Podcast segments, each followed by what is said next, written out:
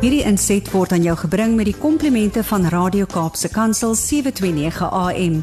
Besoek ons gerus by www.cape pulpit.co.za.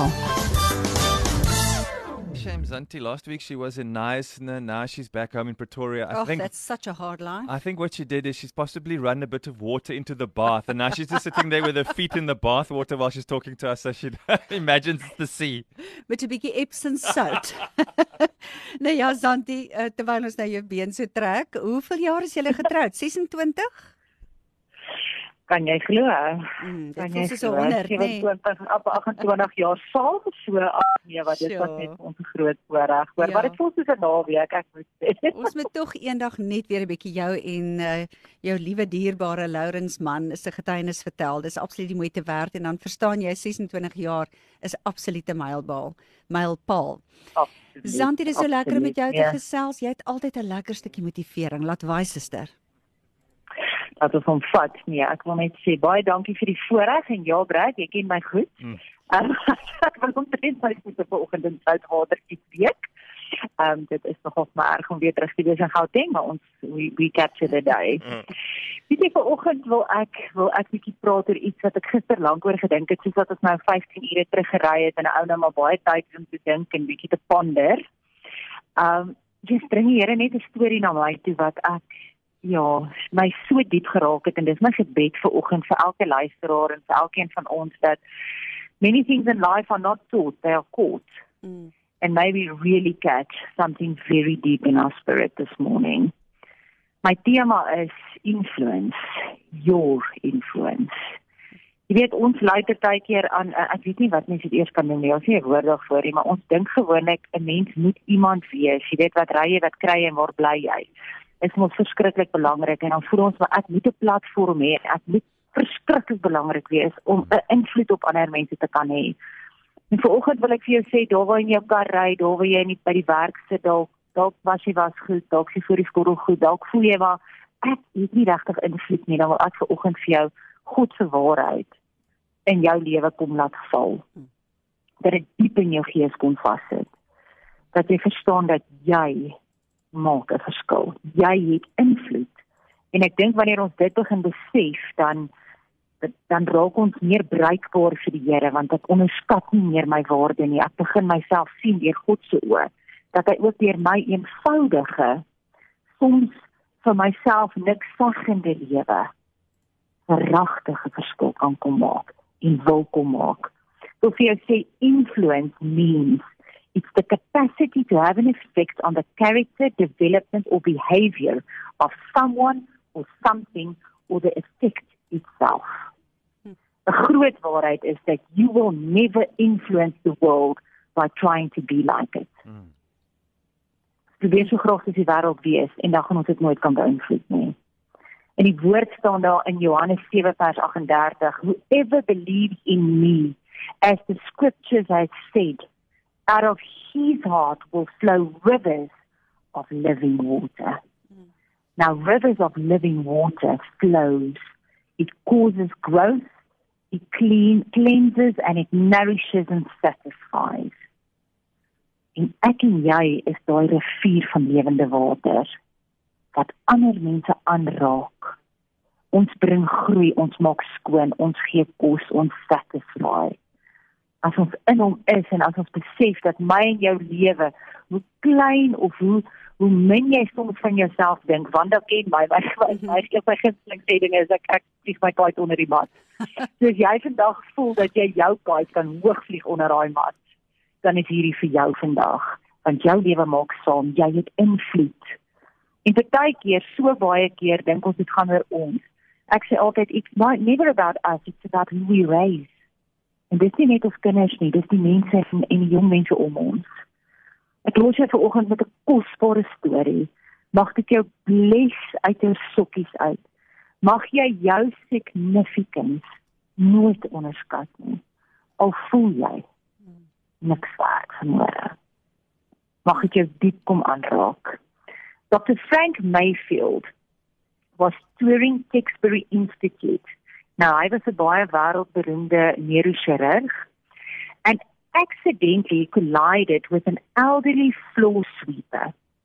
To cover this awkward moment, ek kan nou dink, Dr. Mayfield started asking some questions. He asked her, "How long have you worked here?"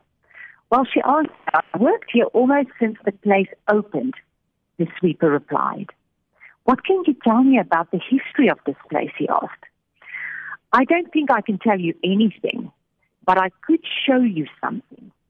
And with that, she took his hand and led him down the basement under the oldest section of the building. She pointed to one of what looked like small prison cells. Their iron bars rusted with age and said, That's the cage where they used to keep Annie Sullivan. Who's Annie? the doctor asked. Annie was a young girl who was brought in here because she was incorrigible. Nobody could do anything with her. She'd bite and scream and throw her food at people. The doctors and nurses couldn't even examine her or anything. I'd see them trying with her spitting and scratching at them. I was only a few years younger than her myself, and I used to think, I sure would hate to be locked up in a cage like that. I wanted to help her, but I didn't know how or have any idea what I could do. I mean, if the doctors and nurses couldn't help her, what could someone like me do? Remember, she's just a sweeper. I didn't know what else to do, so I just baked her some brownies one night after work. The next day, I brought them in. I walked carefully to her cage and said, Annie, I baked these brownies just for you. I'll put them right here on the floor, and you can come and have them if you want. Then I got out of there as fast as I could because I was so afraid she might throw them at me. But she didn't. She actually took the brownies and ate them. After that, she was just a little bit nicer to me when I was around. And sometimes I talked to her. Once, I even got her laughing. One of the nurses noticed this and she told the doctor. They asked me if I would help with Annie. I said I would if I could. So that's how it came about that every time they wanted to see Annie or examine her, I went into the cage first and explained and calmed her down and held her hand. This is how they discovered that Annie was almost blind. After they'd been working with her for about a year and it was taught sledding with Annie, the Perkins Institute for the Blind opened its doors. They were able to help her and she went on to study and she became a teacher herself. Annie came back to visit Tewksbury Institute and to see what she could do to help out. At first, the director didn't say anything, and then he thought about a letter he had just received. A man had written to him about his daughter. She was absolutely unruly, almost like an animal. She was blind and deaf as well as deranged. He was so at his wit's end, but he didn't want to put her in an asylum. So he wrote to the Institute to ask if they knew of anyone who would come to his house and work with his daughter. And this is how Annie Sullivan became the lifelong companion of Helen Keller. When Helen Keller received the Nobel Prize, she asked who had the greatest impact and influence on her life. And she said, Annie Sullivan. But Annie said, no, Helen. The woman who had the greatest influence on both our lives was a floor sweeper and cleaner at Tewksbury Institute. Mm, Maybe this morning you feel like the sweeper or the cleaner, mm. and your life doesn't make any any difference, or you don't have mm. any influence. Helen Keller wouldn't be who she was if it wasn't for Annie Sullivan. Mm. And Annie was influenced by someone who baked the brownies and thought maybe I can help her. I bless you this morning. Amen. Hierdie inset was aan jou gebring met die komplimente van Radio Kaapse Kansel 729 AM. Besoek ons gerus by www.cape pulpit.co.za.